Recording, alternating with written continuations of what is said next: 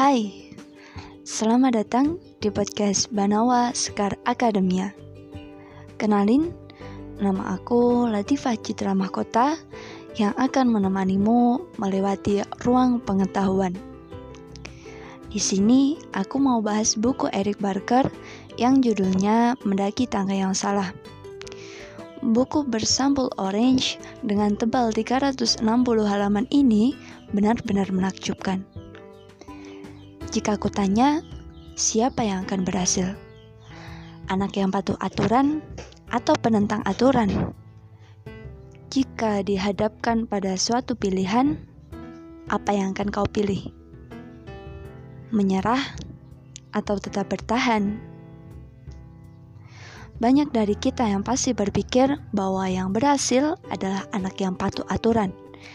Dan untuk mencapai tujuan itu, kita harus berteguh dan pantang menyerah. Tapi bagaimana jika aku beritahu bahwa sebagian hal yang kamu ketahui tentang kesuksesan adalah salah besar?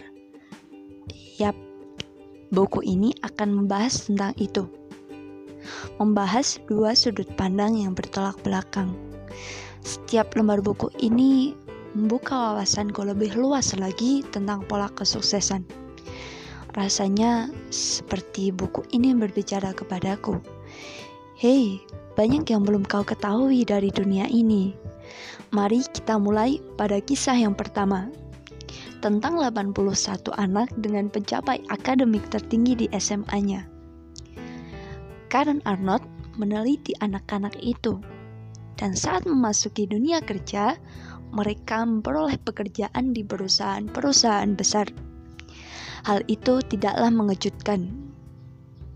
Tetapi ketika ditanya berapa anak yang berhasil mengguncang dunia, jawabannya adalah nol. Tidak ada. Karena para pencapai akademik itu cenderung tidak menjadi visioner di masa depan, mereka tinggal dalam sistem, bukan mengguncang sistem, kata Karen. Anak juara kelas itu cenderung bermain aman, menyingkirkan resiko. Padahal pada nyatanya itulah yang akan menyingkirkan ia pada pencapaian besar di masa depan. Apple dulunya adalah kumpulan orang yang dianggap gila oleh masyarakat. Namun, boom, mereka mampu membuat dunia terkesan. Apa yang mengantarkan mereka ke pencapaian besar? Jawabannya, karena mereka berani dianggap berbeda dan membuat inovasi yang baru. Orang-orang seperti inilah yang bisa mengguncang dunia. Lalu kembali lagi ke si anak penurut. Mereka hanya bisa berjalan ketika terdapat jawaban dan jalan yang pasti. Padahal kerja dunia tak sesederhana itu. Siapa sangka tahun 2020 akan banyak diisi kegiatan di rumah pun untuk 2021. Bahkan sampai tahun yang tidak bisa kita tebak. Bagaimana jadinya ketika tidak ada jalan yang jelas untuk dipijak? Mereka bingung. Itu kelemahannya.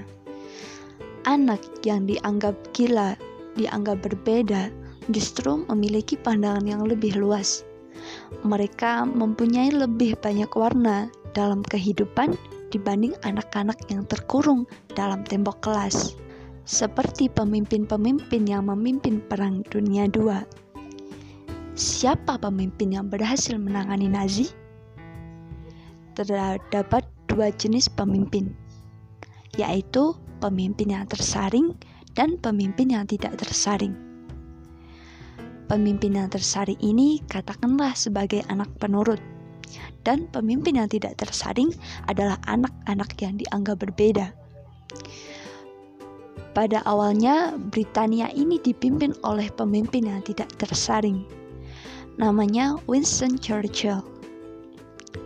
Tapi karena sistemnya, karena pemikirannya si Winston ini dianggap berbeda, dia pun dihentikan dari karirnya.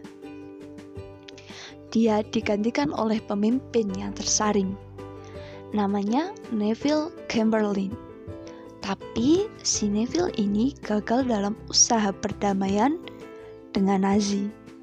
Sebenarnya nih, yang dibutuhin sama orang-orang Inggris itu bukan pemimpin yang biasa. Mereka butuh pemimpin yang berbeda. Yang mereka butuhin itu orang gila yang tak pernah dibukakan oleh sistem. Karena orang-orang inilah yang mempunyai kualitas unik yang membuat mereka berbeda. Apa yang terjadi setelah Britania ini dipimpin oleh Winston Churchill? Mereka mendapat kemenangan. Itu jawabannya. Lalu kita masuk ke bab yang selanjutnya tentang keteguhan dan menyerah. Kita akan membicarakan tentang permainan keteguhan yang dijalani Joe Simpson. Dia terjatuh dari ketinggian saat sedang menuruni gunung yang ia taklukkan bersama temannya. Tapi nasib naas menghadangnya. Tungkai kakinya patah dan tali yang menjadi penghubung dengan temannya itu sudah diputus. Di saat-saat seperti itu, dia memutuskan untuk melakukan hal gila, yaitu menjadikannya permainan dan rintangan itu seperti tantangan yang harus ia taklukkan. Dia bermain bersama waktu, mengecek jam, berhenti setiap 20 menit, mengikuti langkah, pijakan, istirahat, kembali lagi ke permainan. Seperti itu terus sampai empat hari lamanya. Dan dia sampai ke garis finish. Ya, dia memenangkan permainannya. Lalu, apakah orang-orang yang sukses memang tidak pernah menyerah? Hmm, tidak juga. Seperti yang dilakukan oleh Matt Polly dalam pertarungan besar. Dia kalah melawan musuhnya dan mengubur mimpinya menjadi orang yang terkuat di dunia. Siapa sangka Beberapa tahun kemudian, setelah kekalahannya, dia menjadi penulis terkenal. Dia menulis perjalanan impian yang gagal itu menjadi sebuah buku yang menjadi perhatian publik. Ternyata dunia tidak memanggilnya sebagai orang terkuat, tetapi sebagai penulis buku yang hebat. Lalu, bagaimana kita bisa tahu sesuatu itu layak diperjuangkan atau harus dihentikan. Seorang peneliti membuat sistem yang disebut WOOP, Wish, Outcome, Obstacle, Sistemnya yaitu pertama, miliki sebuah wish atau impian. Contohnya, menginginkan lolos PTN Lalu yang kedua, outcome atau hasil, yaitu membuat impian itu lebih spesifik. Contohnya, menjadi mahasiswa kedokteran UGM. Lalu yang ketiga, yaitu obstacle atau tantangan kita menuju tujuan seperti bagaimana ujian masuk di UGM dan berapa kursi yang disediakan. Lalu yang terakhir yaitu plan atau rencana. Apa rencana yang dibutuhkan untuk sampai ke sana? Contohnya, mencari tahu dan mempersiapkan diri untuk mengikuti SNMPTN atau UTBK. Apa arti pertempuran tanpa kepercayaan diri? Hal itu sangatlah jelas dapat menciptakan perbedaan antara menang dan kalah. Karena orang-orang yang percaya diri berani mengambil lebih banyak resiko dan musuh memandang bahwa itu adalah sebuah ancaman. Apa yang terjadi dengan Kasparov, sang pecatur dunia saat melawan Deep Blue atau komputer catur buatan IBM? Pada awalnya, Kasparov mempunyai kepercayaan diri yang tinggi. Namun, saat pertandingan tahun kedua pada babak pertama, mesin itu mengejutkannya. Ia membuat gerakan tak terduga dan membuat Kasparov tampak bingung. Namun, hal itu tak mempengaruhi kemenangan Kasparov pada babak itu. Lanjut babak selanjutnya, hal yang sama terjadi. Mesin itu lagi-lagi membuat gerakan yang tak terduga, membuat Kasparov khawatir dan menganggap bahwa dia perlu tahu gerakan yang akan dilakukan Kasparov. Pada babak kedua dan seterusnya menjadi kekalahan telak Kasparov. Harusnya ia bisa mencapai nilai seri, tapi karena kepercayaan dirinya yang sudah terancam dan menganggap mesin itu tahu segalanya melebihinya, dia pun menyerah. Saat inilah kepercayaan diri yang tinggi sangat diperlukan. Lalu, bagaimana dengan pertanyaan awal? Apakah pekerja kepercayaan diri yang tinggi tidak baik? Mari berkenalan sebentar dengan efek Dunning-Kruger, yaitu fenomena di mana orang-orang berkemampuan rendah memberikan nilai yang tinggi pada dirinya sendiri.